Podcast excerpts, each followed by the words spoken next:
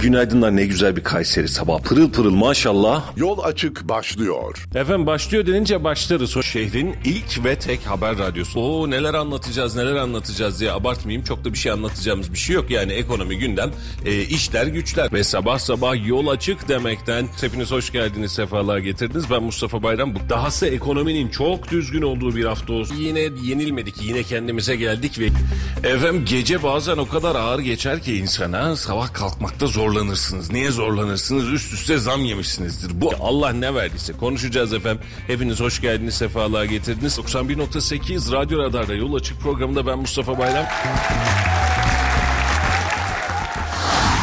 Radyo Radar yol açık başlıyor.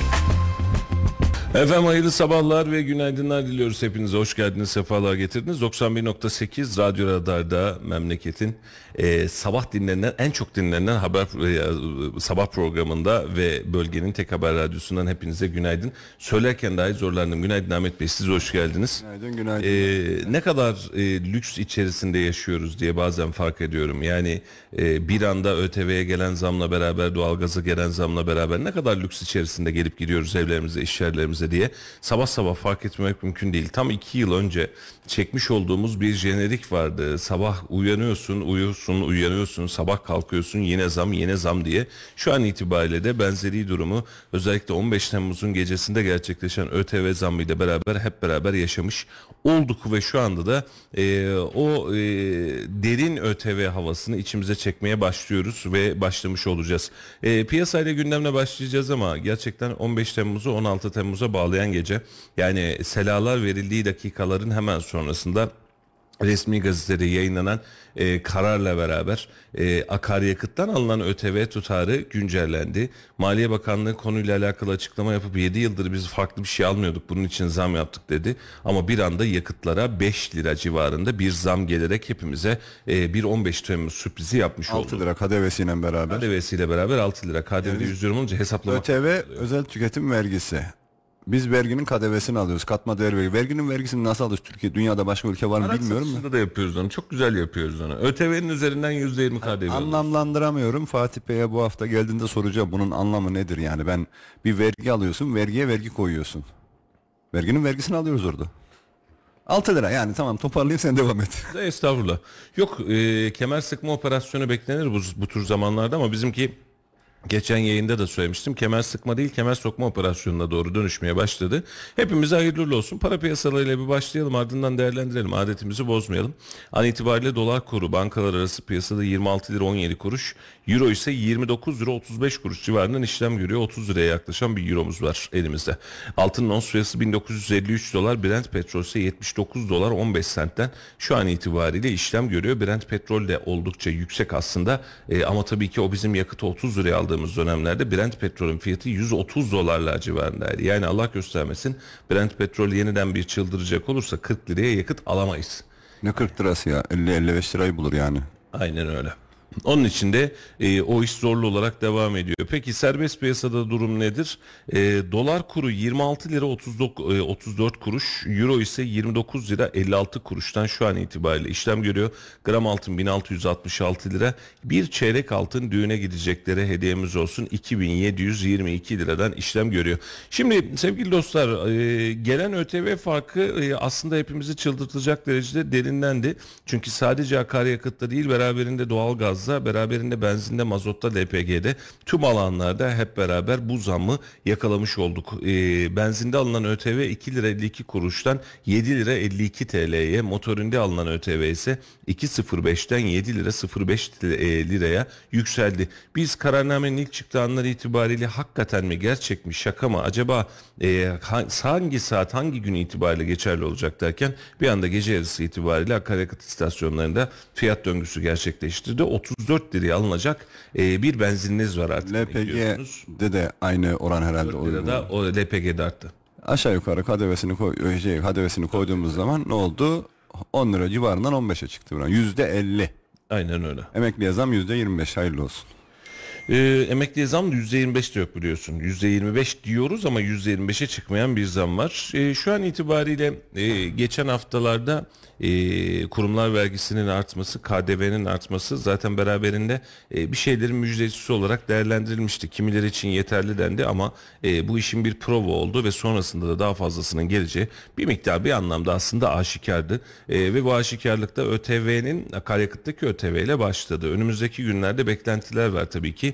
Bu kadar salvoyu arttırdıysanız bütçe disiplinini sağlamak adına yarın bir gün otomobil fiyatlarındaki ÖTV'yi arttırma ihtimaliniz var mı? Var. Elektrikte almış olduğunuz vergileri arttırma ihtimaliniz var mı? Var. Yani bu ihtimallerin her birini sıraladığımızda hakikaten bu ayın sonunda TÜİK hangi enflasyon oranını açıklayacak? Ay sonuna kadar ekmeği hangi fiyattan alacağız? Otobüse kaç liradan bineceğiz? Ee, uçağa ya da şehirler arası otobüse binmemiz gerekirse ne yapacağız? Bunlar oturup Mustafa'cığım, bir kez daha konuşmamız gerekecek. Korkuyorum. Niye biliyor musun? Bunlar sadece buzdağının görünen kısmı. E, Bizi kesmeyecek daha bu kısım. Nerede kesecek? Halil Bey de aramıza katıldı. Hoş geldiniz efendim. Sefalar getirdiniz. Günaydın, Günaydınlar.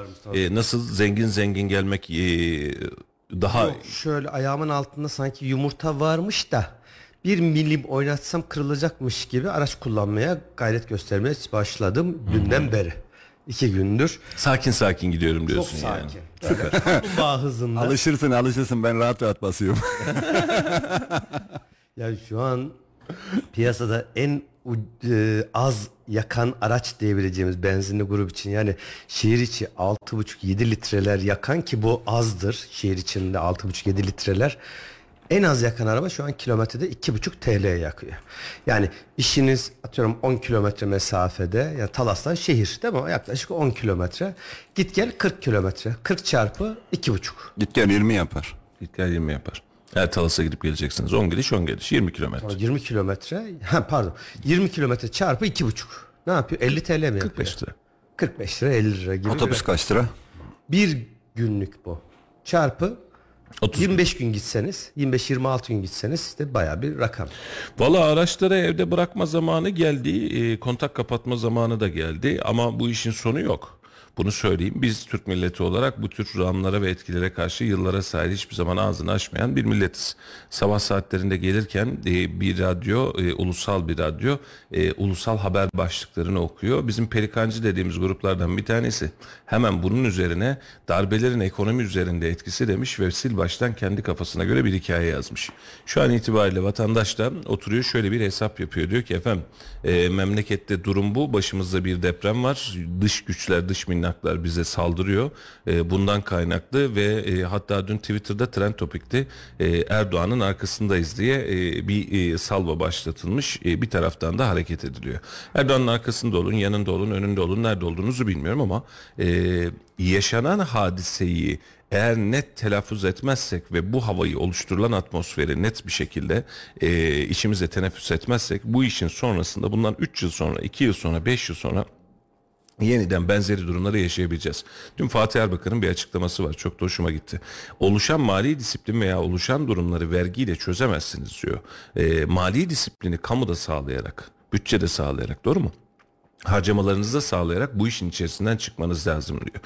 Şimdi biz bu taraflara hiç dokunmaksızın tüm faturayı neredeyse vatandaşın üzerine geçirdiğimiz, vatandaşın üzerine yansıttığımız yeni bir süreç başlamış durumdayız. Şimdi yakıtta 5 liralık fark olsa ne olur, olmasa ne olur diyen vatandaşlar için basit bir hesap yapalım. 20-25 25 lira civarında almış olduğunuz yakıtın, yakıtın 30 lira civarına ya da 27 liradan 34 lira civarına geldiğini hesap edecek olursak yüzde ne kadar fark etmiş olur arkadaşlar? Yaklaşık %20 fark etmiş olur doğru mu? Yani sadece ÖTV'nin farkı %20'lik bir fark oluşturur. Bu %20'lik fark sana gelen her üründe otomatik olarak üzerine işler. Ekmek alırsın ekmekte işler. Un alırsın unda işler. Bak bunların tamamında var. Otobüse binersin burada işler. Ee, buzdolabı alırsın burada işler. İşlemeyecek bir taraf var mı bu verginin? Her taraftan bize geliyor. Şimdi yüzde yirmilik sen e, biz bugüne kadar şöyle düşünüyorduk. Enflasyonla mücadele için idi normalde bizim söylediğimiz sözlem. Enflasyonla mücadeleyi unutun.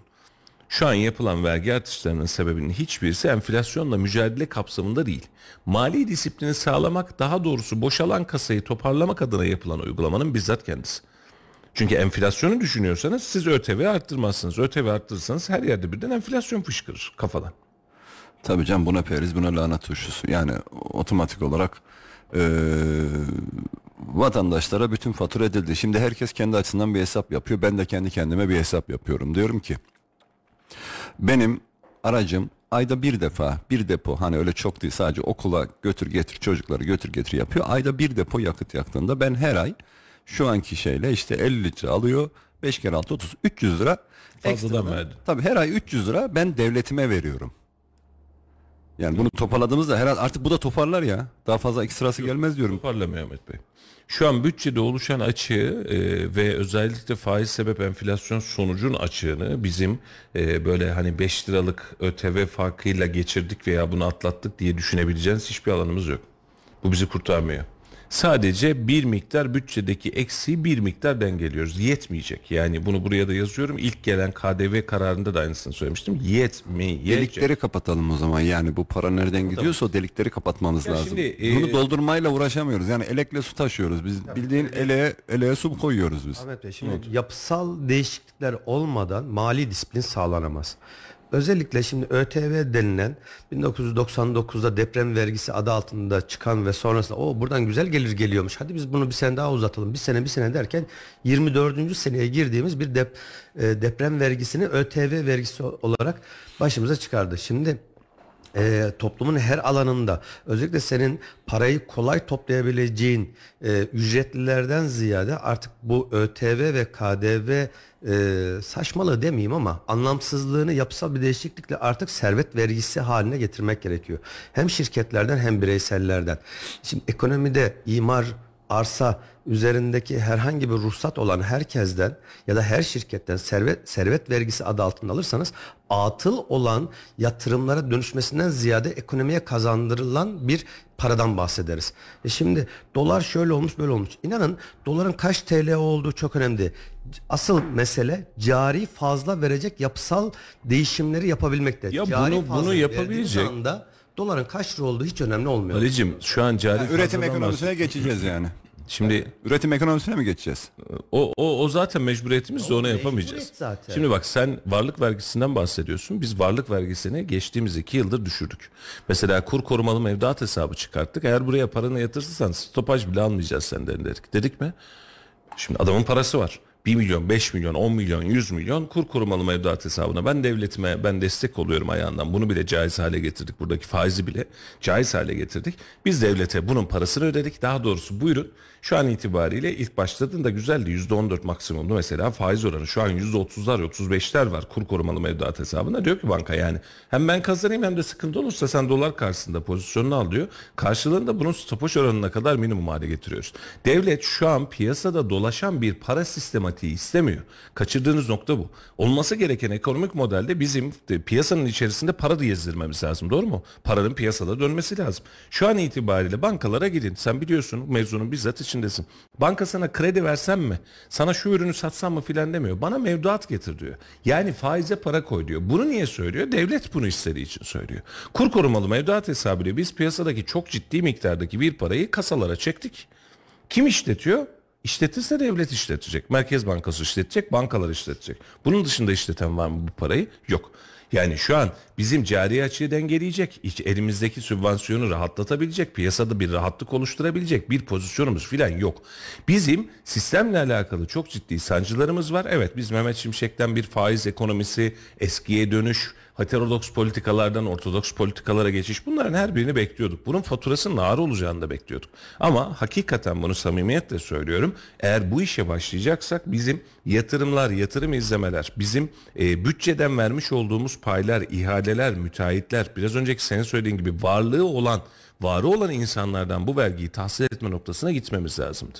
Şu an tüm genele yaydığımız için hiçbir şey yapmıyorsak 18'den 20'ye çıkarttık, %20'den 25'e çıkarttık kurumlar vergisini yetmedi. ÖTV'den sadece yakıtta verdiğimiz ürüne zaten tüm piyasadaki ürünlere %10 %15 civarında bir zam otomatik olarak uygulamış olduk. Şu an tabandan çıkartıyoruz. Zenginden çıkartmıyoruz bu işi. Önce kastettiğim varlık vergisi dediğimiz nakit para değil. Varlık vergisi dediğimiz ev, arsa, menkul ya da gayrimenkul anlamında araba üzerindeki kayıtlı olan mal varlığından bahsediyoruz. Nakit değil. Nakitten hiç para, vergi alma. Nakit olan hiçbir şeyden vergi alma. Şimdi diğer taraftan da O belediyeler zaman herkes her şeyi satar nakide geçer. özellikle işte nakite geçerse onu bir şekilde kullanır. Yatırım Onda faizi var. Ya, faize Hiçbir şey götürür. olmasa bankaya koyar.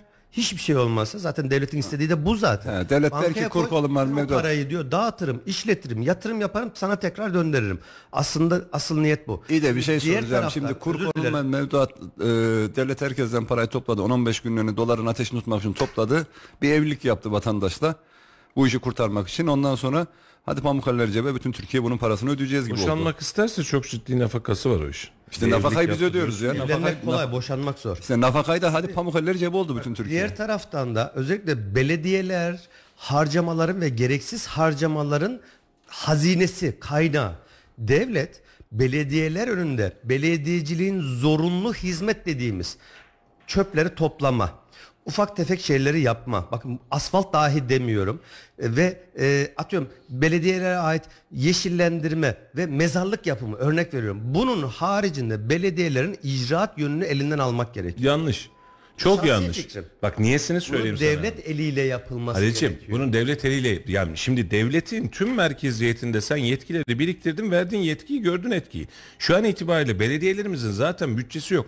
Git ilçe belediyelerine bak ben merkezden bahsetmiyorum. Git ilçe belediyelerine ellerindeki bütçeyle maaşlarını sigortalarını ancak karşılayan belediye yapısı var. Belediyelerde para filan yok ki. Sen yapılan yatırımların yapılan harcamaların belediyeden yapıldığını zannediyorsun. Şu an itibariyle Kayseri Büyükşehir Belediyesi'nin yıl ortalaması bütçesi 3 milyar civarında.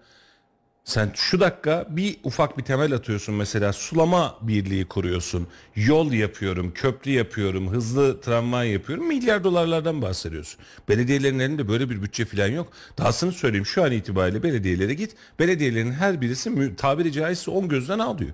Belediyelerin böyle bir etkisi kalmadı. Ve sen şu an itibariyle diyorsun ki belediyeler bu hizmetleri yapmasın. Bu hizmetleri yapacak kısım temel hizmetlerini yapsın. Bu hizmetleri yapacak kısım dönsün. Devlet tarafından yapılsın. Devlet hangi hizmete yetişecek? Hangi birimle yetişecek buna?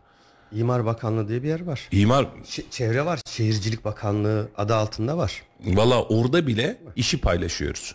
İhalelerle paylaşıyoruz, süreçlerle paylaşıyoruz. Anladın mı? Cümlenin devamında da açık ihale tarzının artık daha da yaygınlaştırılması lazım. Açık ihale. Her şeyi ihaleyle ve denetlenebilir. Peki Şefe- şuna dönelim mi? ihaleyle. Şimdi peki şuna dönelim mi Ali'cim? Biz bunları yapmak yerine tabii ki yapalım bunları.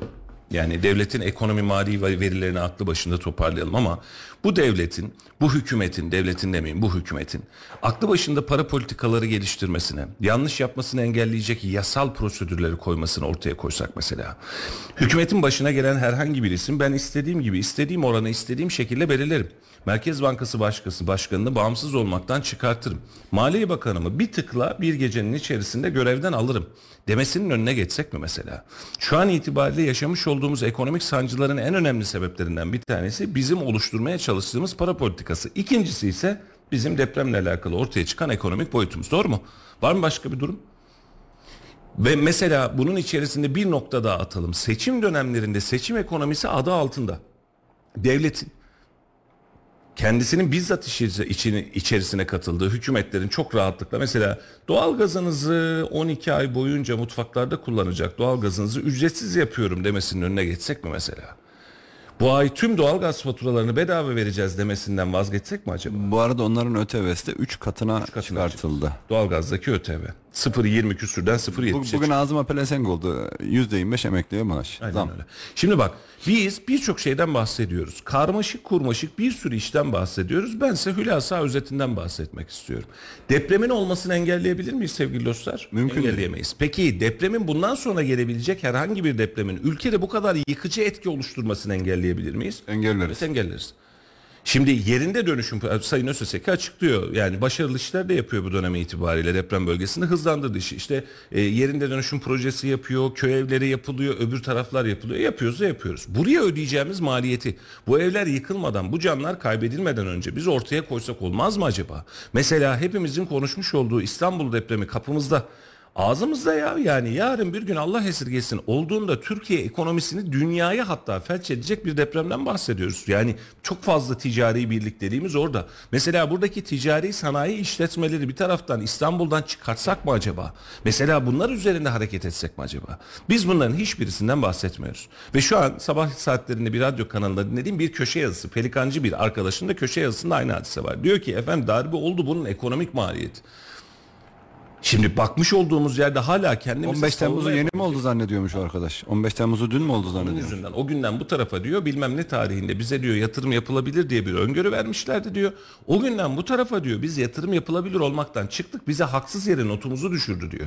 Yahu arkadaş sen bu FETÖ'cüyü devletin içerisine sızdıran sen, devletin içerisinde var eden sen, 15 Temmuz'a müdahale edemeyen ve sonrasında yanlış yaptık Allah affetsin vatandaşlarımız hakkını helal etsin diyen yine sen. Bugüne geldiğimizde 15 Temmuz'u kutlama mı yas mı hangisini yaptığını bilmiyoruz. Meydanda sen de vardın. Kaç bak 7 yıl olmuş 7 yılın sonrasında insanlar zoraki toplandığı bir etkinlik haline getirmeye ve unutturmayacağız. Ya unutturma canım bunu illa meydanda şenlik havasına getirmene gerek yok.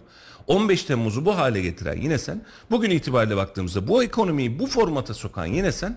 Ama kabahatli olan mali gündem, ekonomi, vırt sırt vesaire diğer günler dış minnaklar. Biz Gabar'dan petrol fışkırıyor demedik mi arkadaş? Fışkırmadı mı Gabar'dan petrol? Bilmem Seçim ben, öncesinde. ben gitmedim abi Seçim Gabar'a. öncesinde. Ha, E, doğalgazımız çıktı, karaya ulaştı demedik mi? Dedi. E, tamam. E peki biz bunları seçim öncesinde bedava verebilecek kadar zengindik de biz bir ayın içinde mi fakirleştik? Kandırıldık. Ben kişisel olarak öyle hissediyorum. Yani ben Ya- şahsi hissimi söylüyorum. Ya bak Kandırıldım. söyleyeyim 25 metreküp şu an itibariyle ne kadar tutuyor metreküp fiyatından? 100-150 lira civarında bir faturaydı değil mi? Evet. Örnek olarak veriyorum. 25 metreküp kaç tane doğalgaz abonesi vardır kardeşim memlekette? En az 15 Ne bileyim ben çok. Sendeki 10 milyon. Ya arkadaş sen 12 ay boyunca bu faturayı almayacağım dedin. Peki yaptın bir baba yiğitlik. Şimdi niye bana e, bunun e, salatasını yediriyorsun? Madem yaptın bir şey arkasında dur. Madem yapacak durumda değildin niye çıkıyorsun yola? İşte bol keseden dağıtınca seçim ekonomisi. Yani acı acı yemenin Ha, bol keseden dağıtınca e şimdi ben sana habire vaatlerde bulunuyorum. Elimi cebime atıyorum cebimde para yok. Sonra gidiyorum Ahmet Bey'den istiyorum. Aşağıdaki personelden istiyorum. Sağdan istiyorum. Soldan istiyorum. Valla Halil bunu sen üzerinde de söylüyorum kardeşim. Bak bu dediğimi ne olur yanlış anlama. Biz hiç bak, şu dakika itibariyle e, Cumhurbaşkanlığı seçiminde birinci turda ikinci turda Kemal Kılıçdaroğlu seçilseydi bundan daha farklı daha güzel filan olmayacaktı. Bunu herkes aklına bir yazsın. Bu Kemal Kılıçdaroğlu Recep Tayyip Erdoğan'ın dönemi ya da bunun sonucunun karşılığı değil. Yani bir seçim sonucunun reaksiyonu değil bu. Bu seçimden önce yaşananların reaksiyonu. Doğru muyum? Yani seçimden sonra Kemal Kılıçdaroğlu gelmiş olsaydı eskaza yanlışlıkla bu işin içerisinde fazla değil 6 ay içerisinde sallanıp dökülür bir yılın içerisinde Allah'a ısmarladıklar giderdi. Bu sistemin altından kalkılabilecek bir durum değil. Biz bunu vakti zamanında konuşup eleştirilerimizi doğru zamanda yapmamız lazım. EYT formülizasyonunu kaç yıldır masada tutan ve kabul etmeyen, istemiyorum diyen iktidar. Seçimi kaybetsem çıkartmayacağım dediler. Muhalefetin baskısı, seçimin yaklaşması, yani muhalefet de bunu eline çok ciddi malzeme etti. Bunu zamanında da konuştuk. Yani muhalefet çaldı davulu, çaldı davulu 2 milyon, 2,5 milyon insan filan attık, üfürdük. E şimdi bir bakıyorsun 4 milyon 4 milyona yakın insana şu bütçe yokluğunda EYT imkanı verdik. Ahmet Bey bunlardan biri yıl sonu itibariyle, önümüzdeki yıl itibariyle bunlardan biri de sensin. Hayırlı olsun. Ama peki açık söyleyeyim. Sizin alacağınız 7 bin lira, 7500 lira, 9 bin liralık emekli maaşı ülkeye ne yapar? Vallahi içimizden geçer. İçimizden de geçti. Geçiyor da. EYT'yi biz bu sisteme dahil ederken muhalefetinden iktidarına hiç kimse kardeşim bunun bütçeye olan yükü ne olacak ya? Bu işin altından nasıl kalkacağız diyemedi. Bugün itibariyle Ahmet Bey 7500 lira emekli maaşını alıyorum diye mutlu olacakken şu gelen zamlarla beraber yakıt parasına ancak yetecek bir EYT maliyetine geliyoruz iş. Ve bir taraftan verirken bir taraftan alıyoruz. Disiplini bozduk. Devlet ahlakını bozduk. Devletçe mali ahlakımızı da bozduk. Ve şu dakika itibariyle her- herkes oturup konuşacak. Efendim aslında depremin çok ciddi maliyeti var. Bize dış güçler de bunu buradan böyle yapmıştı. Biz işte seçim süreci hiç kimse gerçekleri konuşmuyor. Hemen bir tane gerçek söyleyeyim. Büyük tüp 432 lira oldu. 12 kiloluk büyük tüp. 432 lira. Bir dönem şey vardı. Acaba dün esprisini de yaptık kendi aramızda otururken. Ee, bu benzin istasyonlarında LPG basıyorlardı yani Türklere. Onlar da basmıyordu. Yasaktı falan filan. Sonra gizli gizli bastırıyorlardı falan. Acaba böyle yine e, ga- Valla Kayseri üzerinde Türk Yöntemler- kullanan kırsal dışında çok fazla bir yer kalmadı Ahmet Bey. Yani bunun için eskisi kadar sokaklarda her tarafta tüpçü gezerdi. Tüpçüler olurdu gördüğümüz şu an görmüyoruz. Önemli bir fiyat artışı. Yani 400 kaç lira? 432 lira büyük tüpün yani 12 Normalde kiloluk tüpün. 432 liranın bizdeki anlamı şuydu. En son mutfak- 380'de. ortalama bir mutfak yemek pişen bir mutfak bir ayda bir tüpü rahat bitirir. Yani işte 430 lira sadece aylık e, tüp masrafını olarak koy kenara at kenara ama Kayseri artık bunu çok fazla abartı derecede almıyor. Çünkü işte bağda dağda doğalgaz gelmediyse kullanıyor. Köyde Biz bağda kullanıyoruz ya. onun için önemli. Şimdi malzemeyi, e, veriyi doğru düzgün önümüze koymamız lazım. Bu sistem sürdürülebilir olmanın dışına çıkıyor.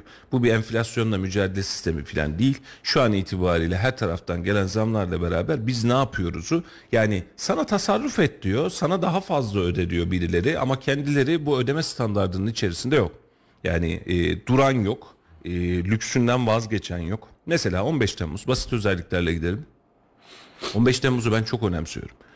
Hakikaten milli irade ve vatandaşın zaferidir. Bu bu hükümet, AK Parti, MHP zaferi filan değildir. Dün meydana baktığımızda 15 Temmuz'da meydana baktığımızda uzun zamandan bu tarafa AK Parti ve MHP'nin dışında herhangi bir siyasi teşkilatın katılmadığı yeni dönemle beraber Büyük Birlik Partisi yeniden refah da dahil oluyor. Ee, ve böyle bir e, kutlamadan bahsediyoruz. Meydandaki şaşayı gördük değil mi Halilci? Sahne kurulmuş. Şehir dışından 3 tane isim getirilmiş. Ee, bununla beraber işte sanayi odasından, ticaret odasından OSB'ye, Kayseri Şeker'e kadar standlar kurulmuş. Bu standlarda ikramlar yapılmış. Güzel. Bunu tüm Türkiye'nin merkez illeri ve ilçeleri dahil olmak üzere yaptık. Bunun bir maliyeti var mı? Var tabii. Gerek var mı? Hiç gerek yok. Hiç gerek yok. Meydanda toplam 2000 tane adam var mıydı?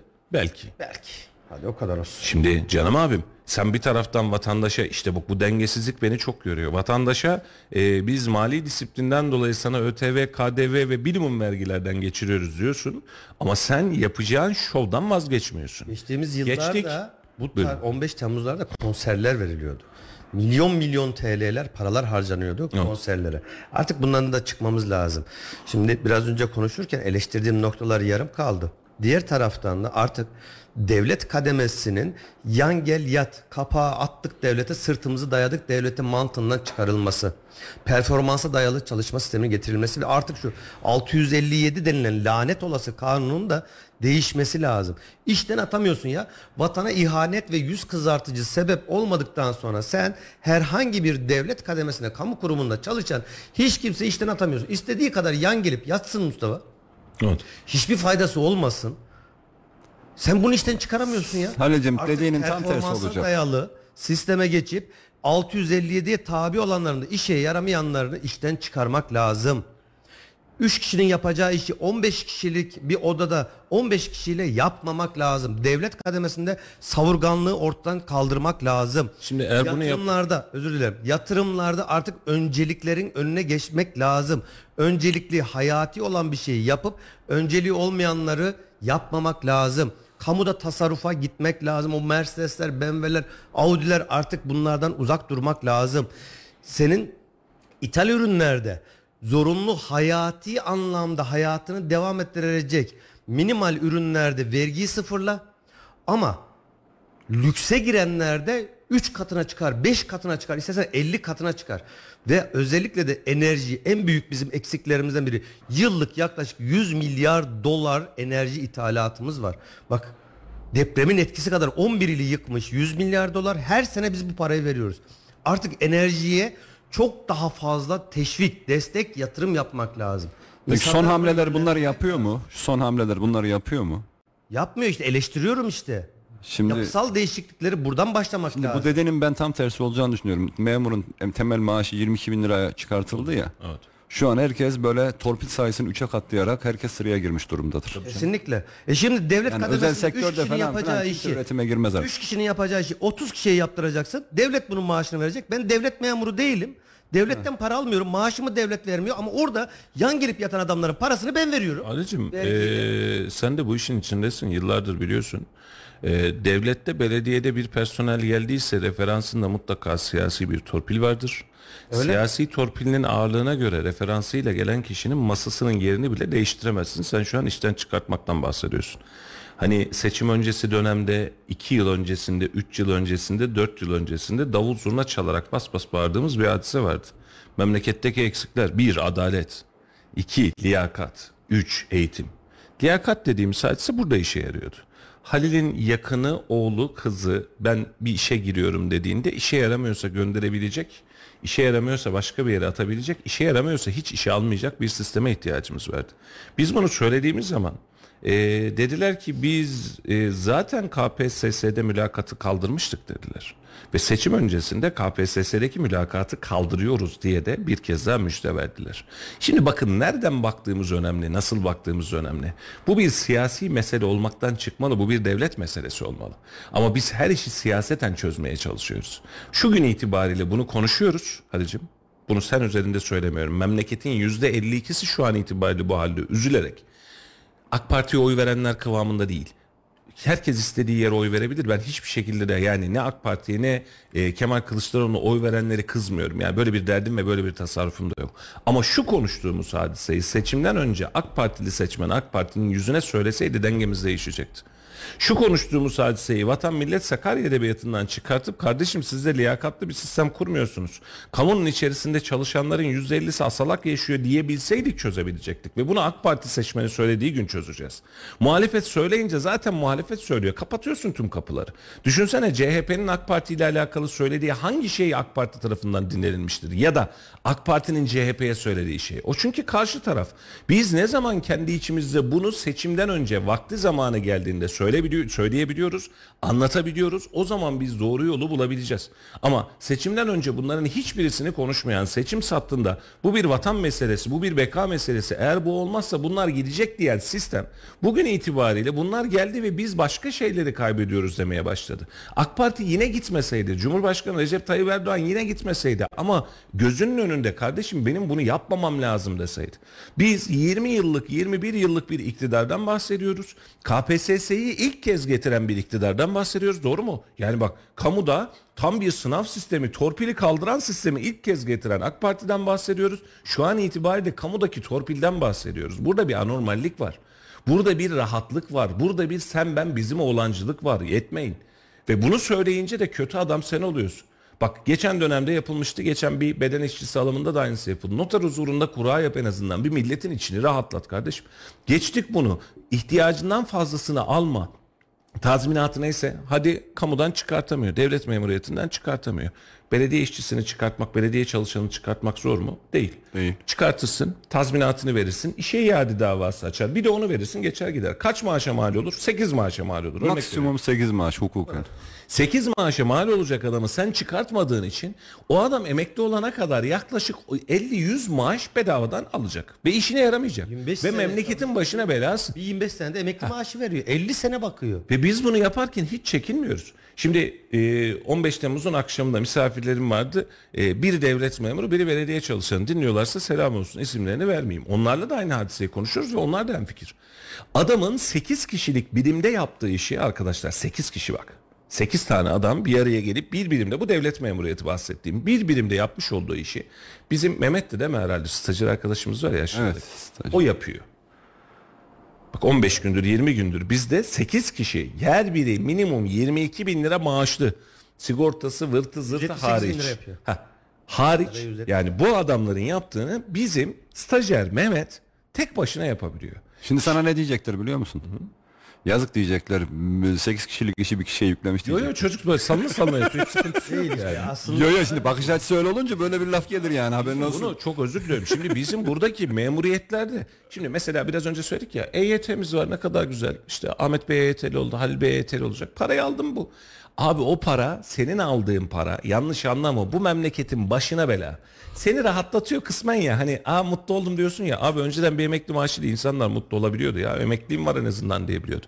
Emekli maaşına şu an kira ödeyemiyorsun nokta. Yani sen şahsi olarak yaşadığın mutluluğu toplumsal hale getirmezsen bitiyoruz. Ve geldiğimiz hale bir bakın. Bir gecenin içerisinde 6 lira akaryakıta tak tak tak zam. Öncesinde KDV'yi arttır. Öncesinde MTV'yi iki katına çıkart. MTV'ler bu arada yansımış sisteme.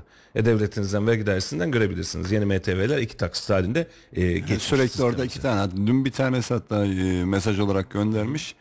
Bunu herkes duysun falan. Ya kardeşim 10 gün önce zaten oldu dedim. Uzuna çaldık yani Du- duymayan kalmadı. Ve şimdi bu da yetmeyecek işin kötü tarafı. Daha da bunun üstesine devam edeceğiz bu mantıkta. Halil'in söylediklerine şu- Halil'cim senin dediklerine yüzde bir milyon katılıyorum kardeşim. Yani tespitlerimiz doğru aslında derdimiz de ortak ama baktığımız hadise şu. Bunu bugün konuşmak için geç. Yine konuşacağız ama geç. Bunu iki yıl önce, üç yıl öncesinde ne yapıyorsunuz siz kardeşim diyenlerin her birini taşladığımız gün bunu konuşacaktık. EYT'li yaparsak bütçe çöker diyenleri susturduğumuz gün bunu yapacaktık.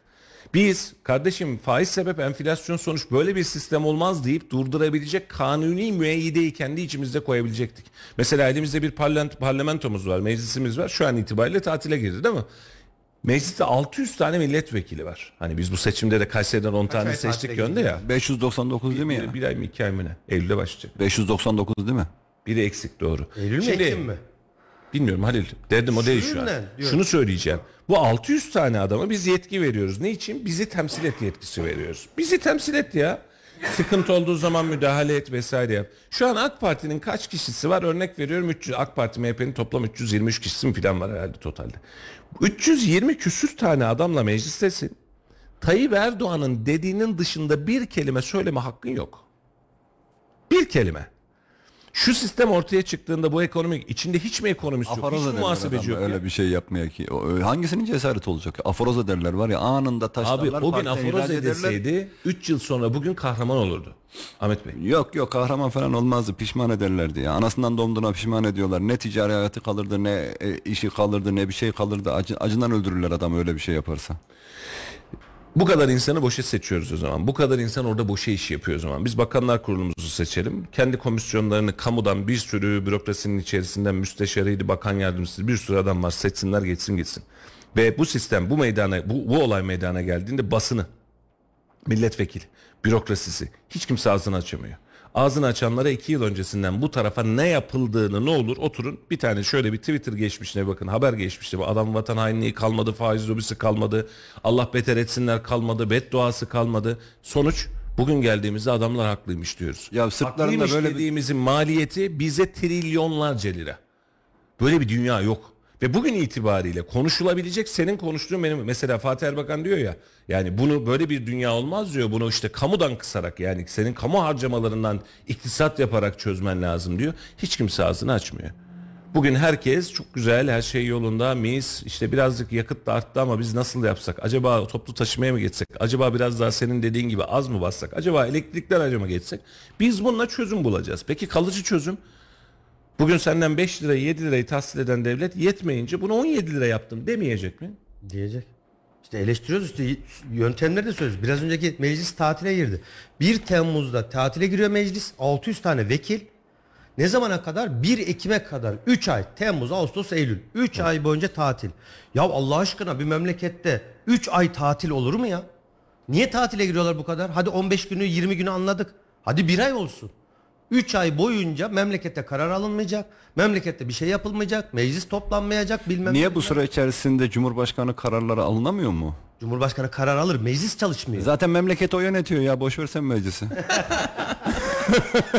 yani sanki tür- ülke duracak dükkanı kapatıyorlar gibi konuştun. Yok aynen her şey, elde değil. her şey devam ediyor kafanı yorma sen. Katılmamak elde, elde değil. 600 tane vekile 3 ay boyunca kaç lira şu an vekil maaşı? son 72 bin 70 lira mıydı?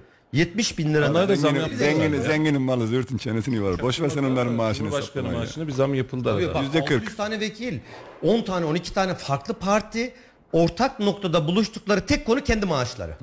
Acayip bir tanesi bile muhalif olmuyor. İş kendilerine dönünce anında birliktelik. Ahmet Bey'in söylediğine dönelim. %25 emekli maaşı hayırlı olsun dendi. Ee, Devlet Bahçeli'nin seyyanen zamı emekliye yapmalıyız çıkışı emekliyi umutlandırdı bir ara. Ben inşallah çok umutlanmazlar. İnşallah da Devlet Bey lafında çok da ısrarcı olmaz diye temenni etmiştim. Çünkü EYT'li yaptığın adamın EYT'li oluyorum dediği günden bu yana dördüncü zam oldu. Daha bir yıl geçmedi arada. 3. Doğru mu? 3 zam yedi. Zam yedi bu dördüncü olmuş işte. Şimdi böyle bir fevrilik, böyle bir ele açıklık Ve hala aç. böyle, böyle- böyle ülke ekonomisi için çok da mümkün değil. Ama bir taraftan da şöyle emekliliğimizi ezdirmeyeceğiz dediğin yerde en yüksek şey en düşük emekli maaşı hala 7500 lira. 6850 lira tamamlanmış hali 7500 lira. Hala en düşük 7500 emekli maaşı şu anda kök maaş 6850 lira. Aynen. Bak şu an itibariyle en düşük emekli maaşı hala 7500 lira toplamda. Ama %25 zam yaptık. Şimdi babamla dün oturduk konuşuyoruz. Oğlum diyor Allah'tan diyor zam yaptı diyor. Şimdi MTV filan da iki katına çıktı. Baba zam yaptı da sana o zam yok dedim. Nasıl yani dedi anlattım. Abo ne yapacağız o zaman diyor. Şimdi memlekette ekonomik anlamda hiçbir şeyin fiyatını belirleyemediğimiz, hiçbir şeyin fiyatına normal ya da anormal diyemediğimiz, cebimizdeki paranın zinhar yetmediği, merhaba deyip karnımı doyurmak istediğinde 100 lira para harcamaya başladığım gündem şu an itibariyle mesela diyoruz ya tavuk dürüm ne kadar olmuş ya bir karnı doyurmak bu kadar pahalı olur mu filan diyoruz ya. O gün Halil'cim beraberdik. Geçen sene 15 lira ortalaması geçen sene bu zamanlar 15-18 lira ortalamasında verilen tabildot yemek. En basit. Bak 15-18 liraydı. Geçen sene bu zamanlar Ahmet Bey çok çok iyi hatırlıyorum anlaşmasını yaptığımız. O gün bir arkadaş için fiyat aldık. Ne kadar olmuş biliyor musun? Şimdi ne kadar artabilir? Geçen sene 15 lira, 10 18, 20 lira olsun ya. Geçen sene 20 lira olan tabildot yemek maliyeti. Tam bu zaman. Kaç lira olmuş olabilir? Ee, tahmin ediyorum 85 lira. 75 lira. Yaklaştın. 75 lira. Ondan sonra bana birileri çıkacak diyecek ki efendim ülkedeki enflasyonun biz belini kırdık. Yıllık enflasyonumuz yüzde 45-50. Yersen. Yersen. Bak çok basit bir maliyetle. Biz bu işin içerisinden çıkabilmek için dediklerine katılıyorum. Bir önce bir silkelenip bir kendimize gelmemiz lazım. Biz ne yapıyoruz dememiz lazım. Kamudaki atıl gücümüzü yok etmemiz lazım. Bizim yeniden devlet planlama teşkilatı benzeri planlamayı yapabilecek, ihtiyacımız olan kısmı vurgulanabilecek bir sürece girmemiz lazım. Vatandaşın, tabandaki vatandaşın, fakir fukaranın sırtından çıkartılabilecek mali disiplin olmaz olsun. Fakir fukaranın zaten yoku var. Adam yok. Yani 7500 lira maaşla yaşayan bir emekli zaten fiilen ortada yok ya. Ve sen bu adama dönüyorsun diyorsun ki acaba bu adamı bir miktar daha nasıl ezebilirim? Ez ezebildiğin kadar hadi. Şu an vatandaş diyor ki e, o komik diyorum. Benim arabam yok diyor. Olanlar düşünsün diyor. Sen öyle zannet.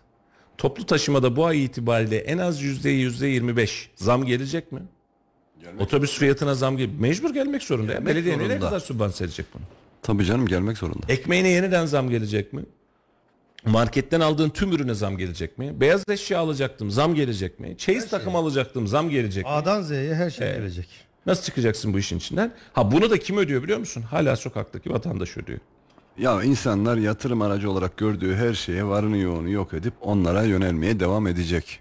Hayatta kalabilmek için emekli de çalışmaya çalışacak. Yani iş arayacak, bilmem bir şey yapacak, sigortası çalışırım, dışarıdan işinizi koştururum diyecek. Mecburen gelir seviyesini artırmak için insanlar yöntem yapacaklar. İşte araçlar ne oldu? Araba aslında bir tamamen yatırım aracı haline döndü. Niye? İnsanlar oradan para kazanma. Hani bir kısmını ben biraz daha iyimser düşünüyordum. Yani iyi niyetli düşünüyordum. Belki benim kafam o kadar çalışmadığı için. Diyordum ki ya adamlar herhalde hani elindeki malım e, değerini korusun yeter düşüncesiyle bu araca yatırım yapıyor mevzusu vardı. Dün işte bizim yeğenle konuşuyoruz. Araç sektöründe çalışıyor. 72 yaşında diyor yani ehliyet olmayan bir teyze diyor araba aldı diyor. İşte torunları falan gelmiş ya- yatırım. Demişler işlemleri yapmışlar bitirmişler neyse arabayı verecekler. Dinliyorsa selam olsun. Ee, arabayı alın yok demiş. Ee, araba dursun ben seni alırım buradan arabayı demiş. Parasını ödemiş işlemler bitmiş. Önümüzdeki sene demiş biz arabayı alırız burada dursun demişler araba. Yani bu, bu ticaret mi oluyor ben bunu anlamadım yani çok saçma sapan geldi bana. Tam anlamıyla ya- yatırım. İşte bu aslında aracın ya da diğer emtiaların bu denli rağbet görmesi, yatırıma dönüştürülmesi. Şimdi bir enflasyondan bahsedersek iki tane enflasyon vardı. Bir maliyet bazlı enflasyon, iki efla, talep bazlı enflasyon. Bizim Türkiye'de yaşadığımız enflasyonun büyük bir çoğunluğu talep yönü oluyor. Talep yönü olmasa işte arabaya yatırım, eve yatırım artacak, değeri artacak, imar geliyor. Şimdi bunların artık bir şekilde önüne geçilmesi ciddi anlamda denetlenmesi gerekiyor. Maliyet bazlı enflasyonun önüne geçmek için de üretimi nasıl artırırız? Bak dönüyoruz, dolaşıyoruz. Her konu üretime Halil'cim bak ben şunu anlarım. Şimdi evin olmaz, ev kirası veriyorsundur. Hesaplarsın ha 20 yılda ben şu kadar vereceğim. Ev sahibi olayım diye e, yatırım yaparsın, kredi çekersin, borçlanırsın, ev sahibi olursun. Bu e, bizim dediğimiz aslında yatırımların çok dışında. Bizim ge- e, gençliğimizde, çocukluğumuzda bu vardı. Hani bir ev sahibi olursan ev kirası ödemezsin. Bunu para kazanmak için yapmıyordun. Hani kendi aile içi ekonomik dengeni oturtmak için hani her ay verdiğim kira boşa gitmesin kafamı sokacak bir evim olsun ona borçlanayım. 5 lira kira vermeyeyim 7 lira zorlarım 7 lira 7,5 lira işte aylık taksit ödeyeyim bilmem bir şey yapayım. İşte 10 senede bir ev sahibi olayım hayali vardı insanlarda. Şimdi olan da nereden var bilmiyorum o para da. Yani bir tane ev var 2 alıyor 3 alıyor bir arabası var 2 alıyor 3 alıyor 4 alıyor 5 alıyor bir yerlerde bunları stokluyor. Abi nereye gidiyoruz biz ya? Varlık vergisi diyorum ya. Şimdi bir evin bir e, bir ailenin bir evi ve bir arabası zorunluluktur. İki evi ve iki arabası lükse kaçar. Bir ev ve bir aracı destekle. İkincilere normalde birincisini aldığın verginin beş Ya katını al. birini kendi adına yapar, birini karısının adına yapar, Hayır, geçer hayır, gider. Önemli değil. Aile olarak bakacaksın. Şahıs bazında değil. Yok onu öyle öyle öyle algılamam mümkün değil ya. yine Karı kocanın şeysi birbirine söyle. biliyor Olayı işte var. Bak geçen gün su hadisesinde de Erhan Bey'le aynı hadiseyi konuşmuştuk. İnsanların zaruri ihtiyaçları var. Zaruri ihtiyacı normal, zaruri ihtiyacın lüksü olana fazla vergi getirebilirsin. Hala pırlantadan almış olduğum vergi Sıfır ya. sıfır. Sıfır. KDV'si, Şimdi ÖTV'si, MTV, sen MTV'si Yatla- bile- yatların, gemilerin e, yakıt vergisi nasıl, yakıt fiyatları nasıl? Onlarda da o aynı. yıllarca konuşuldu yani. birlikteyiz. Ee, sen derdin zengin Birilerinin değil. gemileri olunca çok söylenmedi, korkuyor insanlar. Derdin konuşmaya. zengin ne değil. Derdin sen bütçeyi kurtarayım. Bütçeyi kurtarayım derken bir zahmet sen de önüne bak. Bir dönem hatırlıyor musunuz? İstanbul'da çok konuşulmuştu. Varlık vergisi gibi. Evi belli bir fiyatın olacağı olan üzerinden. Bak bugün yarın eli kulağında. Size diyecekler ki evinizin alış satış değeri eğer şu rakamın üstündeyse sizden ekstra şunu alacağız. Evinizden haricen şu vergiyi de alacağız. Bak bunlar da yarın bir gün çıkacak. Otomobillerdeki ÖTV, ÖTV limitleri değişir mi derken otomobillerdeki ÖTV de çok yakın bir süreç içerisinde artacak. Çünkü devlet şöyle bakacak işe. Bu adam araba alıyor mu? Alıyor. Araba alanında sıkıntı var mı? Millet zaten sırada bekliyor. Niye distribütör kazansın? Ben kazanırım parayı diyecek. Kaçtı kardeşim senin ÖTV'n? %60, %80'e çıkarttım. %150, %200'e çıkarttım. Yarın bir gün cep telefonlarında aynı hadise. Aynı hadise. Şu an itibariyle ne yaptık? Yurt dışı harcı değişti. Telefona bir zam falan gelmedi. Ben buradan vergi arttırıyorum dedin de yeniden. Alkollü gruba henüz gelmedi. Alkol grubuna bir tır dönecek. Biz böyle böyle vergileri toplamaya çalışacağız. Ve bunu yaparken de var olandan az olandan çok olandan değil. Sallapati gideceğiz. Doğru bir iş yapıyor muyuz? Açık söylüyorum. Dünkü 15, iki gün önceki 15 Temmuz'da bunun emsallerinden bir tanesi. Biz kamu disiplini, kamu mali disiplini, kamu harcamaları açısından doğru bir iş yapmıyoruz. Madem bu kadar sıkıntımız var, net söylüyorum bugün itibariyle şu kanunları ortaya koyması lazım düzenlemeleri. Seçim döneminde vatandaşa bedava hiçbir şey veremezsin. Seçime bir yıl kala veremezsin kardeşim. Toplarken bütün Türkiye'den herkesten topluyorsun ama harcarken 3-5 kişinin harcamasına bırakıyorsun. Aynen. Onun yetkisine bırakıyorsun. Yani, e, Onların hatasında bir sonraki dönemde yine vatandaştan Şimdi topluyorsun. yeniden seçim geliyor. Yarın bir gün seçim yöneminde yeni müjdeler seçim ekonomisi modeliyle yeniden gitmeyelim. Bak seçimden önce vermiş olduğun bedava vermiş olduğun doğalgazın ÖTV'sini 3 katına çıkartarak yeniden sil baştan başlıyoruz. Etme. Doğalgazımız fışkırdı, Gabar'dan petrol fışkırdı diyorsun. Burada ÖTV üzerine eklemek zorunda kalıyorsun. Ve şu dakika itibariyle dolar 26 liradayken bunu bahsediyoruz sevgili dostlar. Bir ay sonrasında dolar 30 lira olacak olursa 35 lira olacak olursa inşallah olmaz. Ama gidişat öyle. Eğer bu rakamlar olacak olursa litresi 50 liradan yakıt kullanmaya başlayacaksın. Şaka değil gerçek bu. Hadi biraz önce çok önemli bir tespit yaptı. Yani ucuz yakıyorum diyen araba 6,5-7 litre yakar şehir içerisinde. Ucuz yakıyorum diye. 7 litre 50 liradan aldığın zaman ne yapacaksın? 3,5 TL kilometre. 3,5 lira kilometre başına gelecek. Bu her şeyinin dengesini değiştirecek. Ve senin şu an itibariyle asgari ücretliye, emekliye, memura vesaire yapmış olduğun zam şu an Kayseri'deki memurlar müthiş mutlu 22 bin lira maaş olmuş. Bundan iyisi mi olur diyor. Bir de git de İstanbul'dakini sor. Bak şu an itibariyle sen hissetmiyorsun. Yarın bir gün kiralara bir tur daha binecek. Senin 5 bin liraya tutar mıyım dediğin ev 10 bin lira, 12 bin lira, 13 bin lira olmaya başladığında sen ha bir işe de yaramıyormuş aslında bu zam diyeceksin. Bunun için kalıcı çözümleri yerine getirmeyecek olursak biz sadece şu an heterodokstan ortodoks politikaya yeniden ekonomi mali politikalara doğru döndük. Bunun bir sonraki levelinde, bir sonraki aşamasında biz yeniden işin içerisinden çıkamaz hale geliriz. Bunu toparlamak adına devletin aklı başında bir sistem reaksiyonu kurma mecburiyeti var.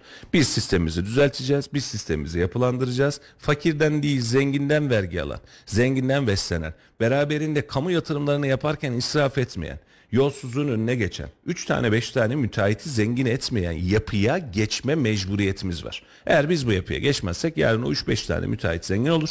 Bizim tabanla emekli maaşı alıyorum diyen 7500 liraya zamlı haliyle 7500 liraya maaş alan yeniden maaş alan emeklim oturur kara kara düşünür ayın sonu nasıl gelecek. Ya işte diye. böyle Belki parayı, parayı götüren 3-5 tane müteahhitin oğlu, çocuğu, torunu bilmem bir şeysi, kızı, evladı kafelerde gezince de bak işte millet ne kadar para kazanıyor deyip ondan sonra onu konuşuyoruz. Ya şimdi yaz döneminde bak yine aynısı olacak. Bu kadar zamdan sonra denilecek ki İstanbul trafiği Eylül ayında mecburen kilitlenecek. Okul başlangıcı. Diyecek ki hani para yoktu, hani yakıt alamıyordu millet görmüyor musun İstanbul trafiğini demeye başlayacaklar. Tatil bölgelerinden Bodrum'dan Alaçatı'dan fotoğraf çekip gönderecekler. Hani milletin parası yoktu tatile gidiyor diyecekler. Kardeşim bu memleket 88 milyon ya.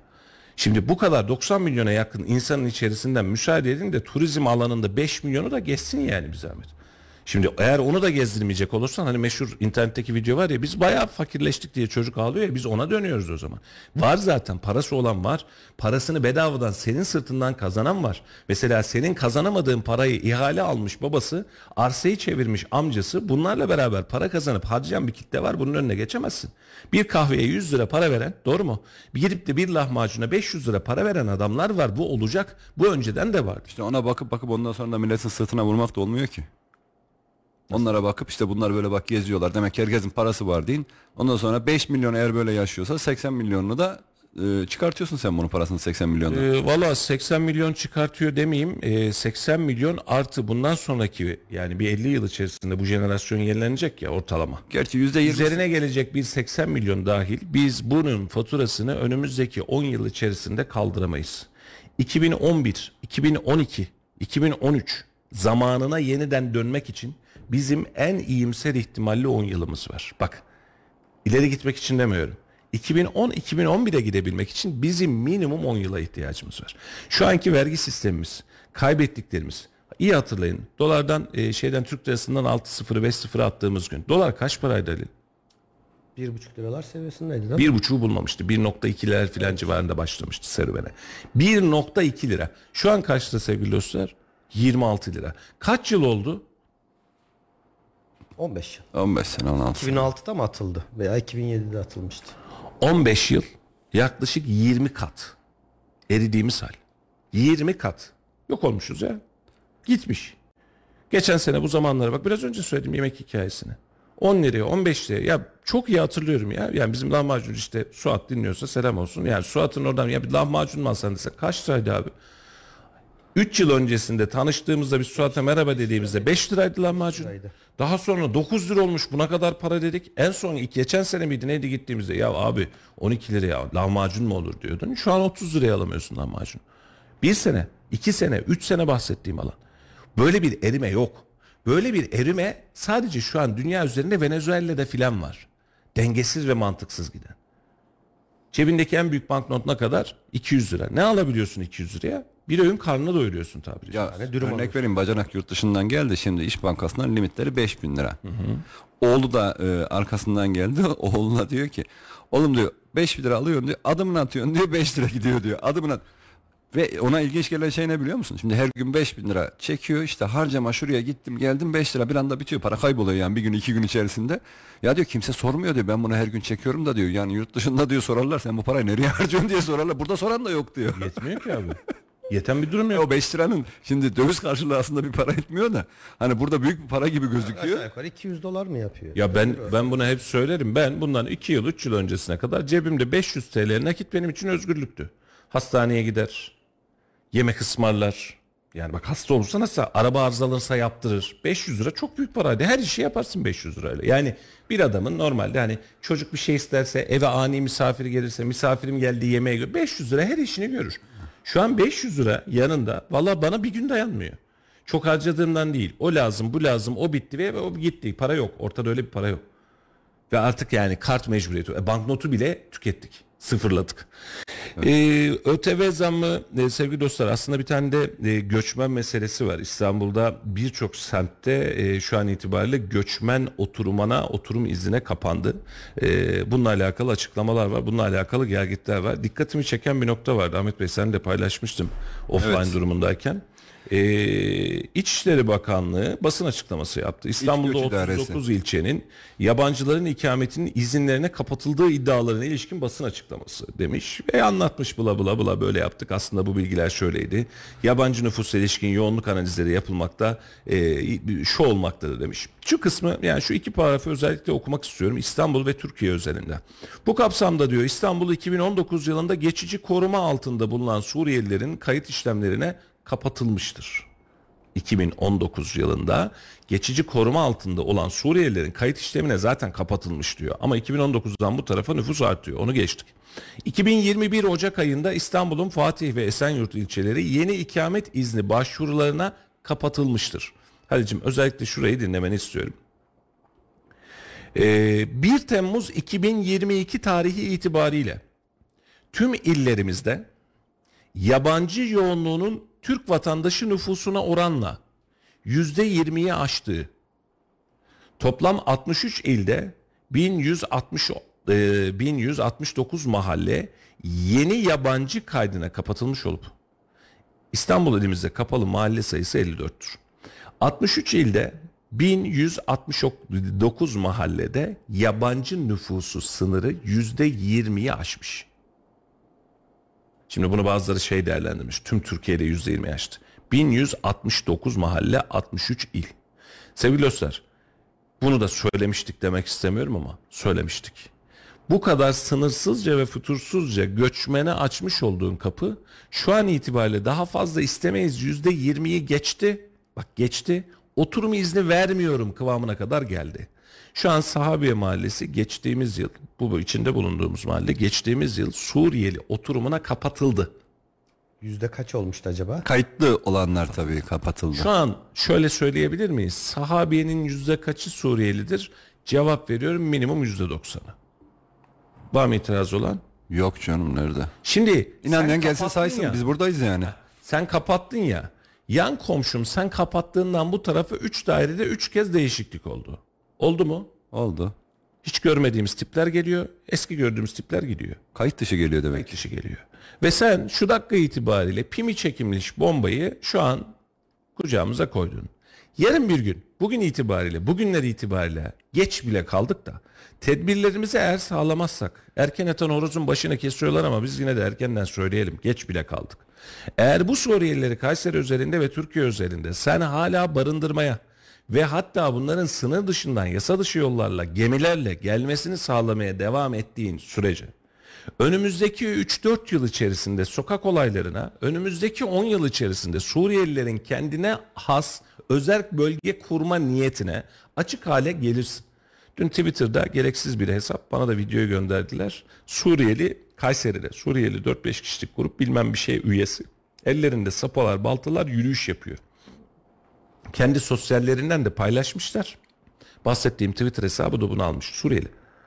Ya dün akşam vardı işte Suriyelilerin bir arabadan biri birini indiriyor. Suriyeli mi değil mi bilmiyorum. Yani günahlarını almayayım çünkü dillerini anlamıyorum. Ee, ondan sonra WhatsApp hattından yazıyor arıyor bana diyor ki bunu nasıl kaldırırsın diyor. Kalkmaz dedim ya. Bana Haber bu dedim. gece. Bu nerede kalkacak? Kalkmaz. Artık bunları şey yapıyorlar. Size cumartesi günü olan bir olay söyleyeyim. Bahçede bahçeyle uğraşırken. Değeri zorun evlatları diyen Suriyeli örgüt Kayseri sokaklarında elleri sopalarla gövde gösterisi yaptı diye paylaşmış bu hesap. Size eee ya şuradan göstereyim. Hadise bu. Bakayım. Bize gelmedi öyle bir ihbar. Yok, bu- Kendi aralarında e, paylaşmışlar. Yani anti e, Suriyelici olan böyle anti göçmenci hesaplar var ya onlardan bir tanesi takip ediyor bunları bunları paylaşıyor. Bu doğrudur yanlıştır Kayseri'de değildir diye bahsetmiyorum. Benim bahsettiğim hadise şu. En az ÖTV kadar ve memleketin mali politikası kadar hatta bir tık daha fazla önemli. Çünkü biz göçmen politikasında hala aynı duruşta. OSB'deki arkadaşlar bunu özellikle dinlesin. Efendim Suriyeliler olmazsa biz çalıştıracak adam bulamıyoruz diyorsunuz ya. Suriyeliler var biz hala çalıştıracak adam bulamıyoruz. Çünkü devlet baba 22 bin lira memur maaşı verince o çocuk gelip 11.400 liraya senin orada çalışmaya başlamıyor. Ben 4 yıllık üniversiteyi bitireyim. Bir de KPSS çıkartayım. Benim ne işi var or- organize ediyor sanayide? Ne işim var bir de beden yükü çekeceğim diyor. Sen bu sistemi değiştirmediğin sürece Suriye'nin tamamını Türkiye'ye yığsak biz yine adam bulamayız. Bunun için bu edebiyatı geçin. Yarın bir gün güvenliğimiz, yarın bir gün dilimiz, yarın bir gün merhaba dememiz her birisi birbirine farklı etkiler oluşturacak ve biz önümüzdeki 5-8 yıl içerisinde Suriyelilerin bir bölgeye geçip biz kendi şehirlerimizi kurmak istiyoruz. Biz kendi valimizi atamak istiyoruz. Biz özelliğimizi istiyoruz dediği günleri görebiliriz. Görebiliriz. İnşallah görmeyiz. Ki malzeme buna müsait. Ee, bunun da tedbirini alacaksak ne kadar çok işi var devletinde diyeceksiniz de birilerini yapsa bir ucundan başlasa bitireceğiz. Devlet Bir taraftan olmak da Göç böyle. İdaresi'nin yine dün müydü önceki gün açıklaması vardı. İşte her zaman söylüyorlar Suriyeli. Türkiye'deki mülteci sayısı 3,5 milyon. Dün açıklama yaptı. Dedi ki Türkiye'deki sığınmacı şimdi bak adı değişti. Sığınmacı toplam sayısı 4 milyon 958 bin kişi. Bunun içinde Afganlar var, Pakistanlılar var, Iraklılar var ya da Bu resmi rakam. Resmi rakamlar. Yaklaşık 5 milyon kişi resmi rakamla bugün Türkiye'de yaşıyor. Bunun anlamını şöyle desek olur mu? Ee, çarpı 2 minimum. Orasını bilmiyorum. Şimdi muhalefet tarafı Türkiye'de 15 milyon mülteci var diyor. O rakamın da gerçekçi olduğunu zannetmiyorum ama yani 5 milyonun da onun da gerçekçi olduğunu zannetmiyorum. E şimdi ve öyle bir ürüyorlar ki tabiri caizse yani argo, Çoğalıyorlar diyelim. yani çoğalıyorlar diyelim argo cümle kullanmayayım. öyle bir çoğalıyorlar ki 5 yıl sonra yani şu an için Türkiye'nin atıyorum %10'u diyelim toplam nüfusun 5 yıl sonra bu rakam %15 olacak. Bir 5 yıl sonra 20 olacak. Heh, daha resmi rakamlarla 20. sene Türkiye'nin en az %30'u mültecilerden olacak. Tayyip Bey geçen gün açıkladığında çok önemli farklar göreceksiniz dedi. İlk açıklamada bu İstanbul'da oturma kapatma işiydi. Ee, açık söyleyeyim ee, biraz daha çözmezsek başımıza büyük bela olacak. Bugün itibariyle ee, Suriyeli hatta ilk geldiği günleri hatırlarsınız Ensar Muhacir ee, türküleri söyleyen arkadaşları da aynısını söylemiştik. İnsanların mağduriyeti vardır gelirler. Ama bizim kültürümüzde misafir üç gündür. Üç dördüncü gün misafir olmaktan çıkar. Geldiniz bir mağduriyetiniz vardı çözüldü. Suriye'de savaş bitti. Esad üç kez af çıkarttı. Gelin dedi. Gelin dedi. Açık açık söyledi. Siz hala gitmemek taraftarsınız. Çünkü bakkal açtınız, kasap açtınız, yetmedi sarraf açtınız, yetmedi fabrika kurdunuz. Sanayide dükkan açıyorlar. Ee, gitme vakti. Yani eğer hani sanayici de ne olur artık şu türküyü bıraksın. Efendim Suriyeliler olmazsa çalışacak adam bulamayız.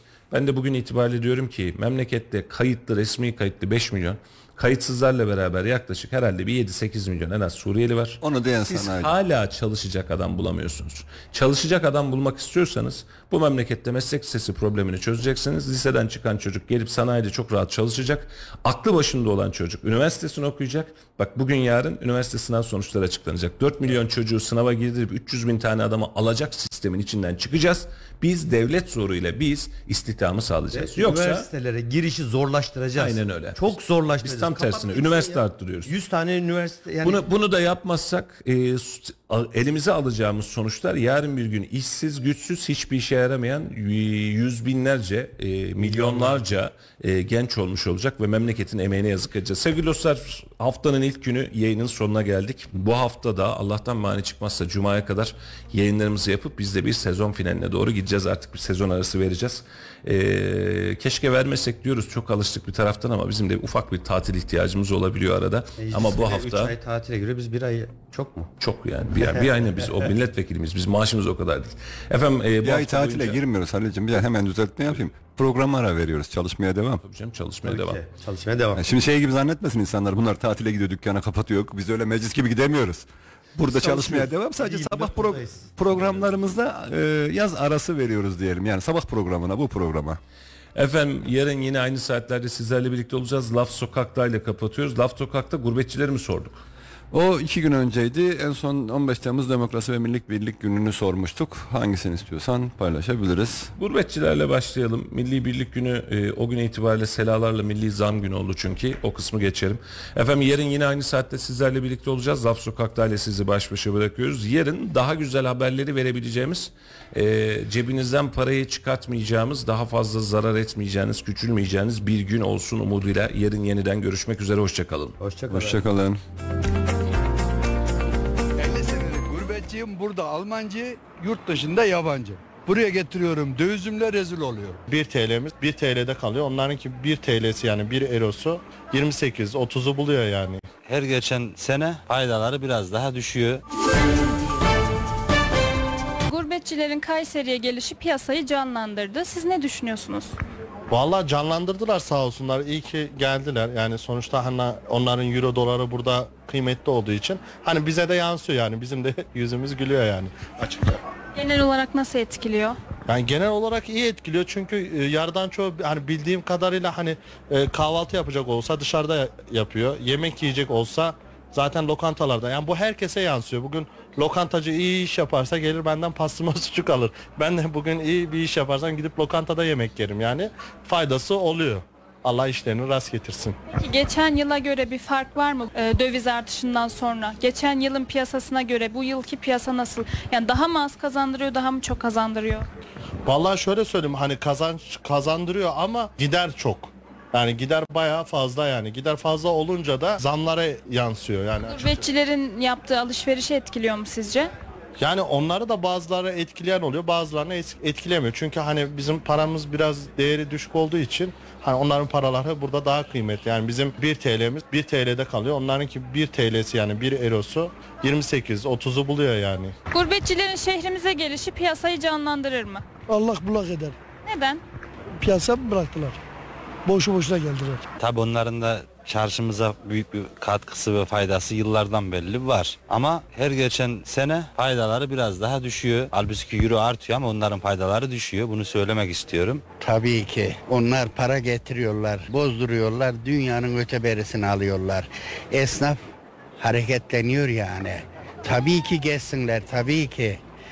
Onlar olmasa olmaz yani.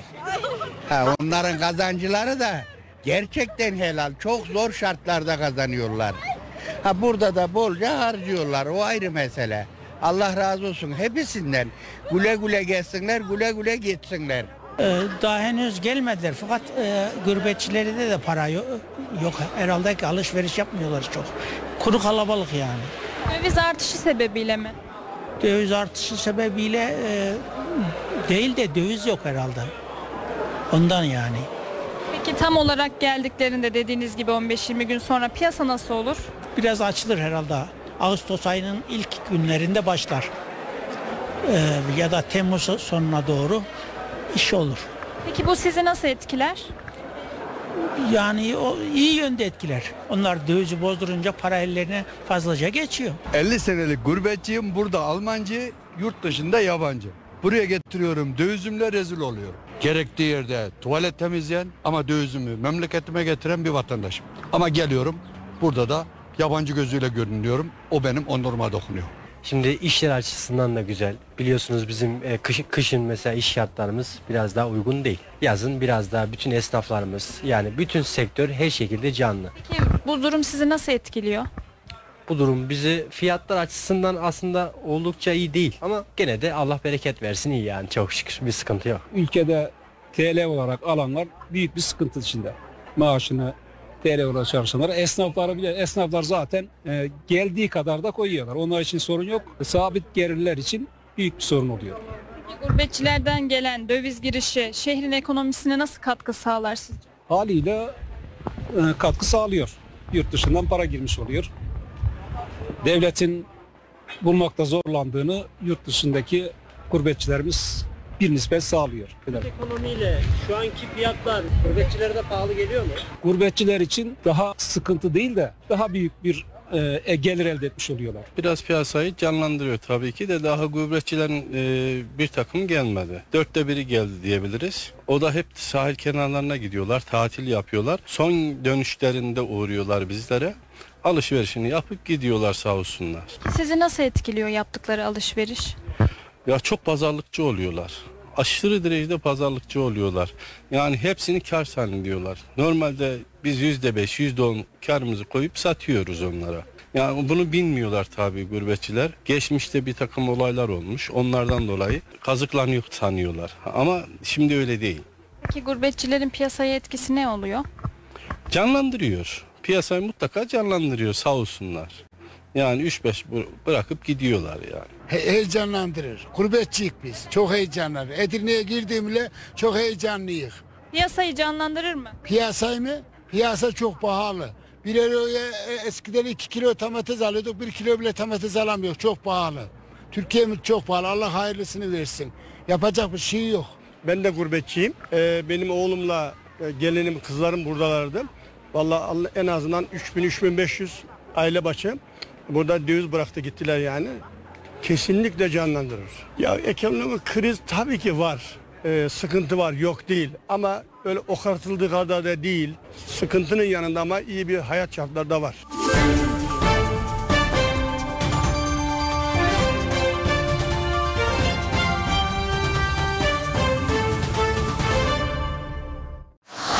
Radyo Radar yol açık sona erdi.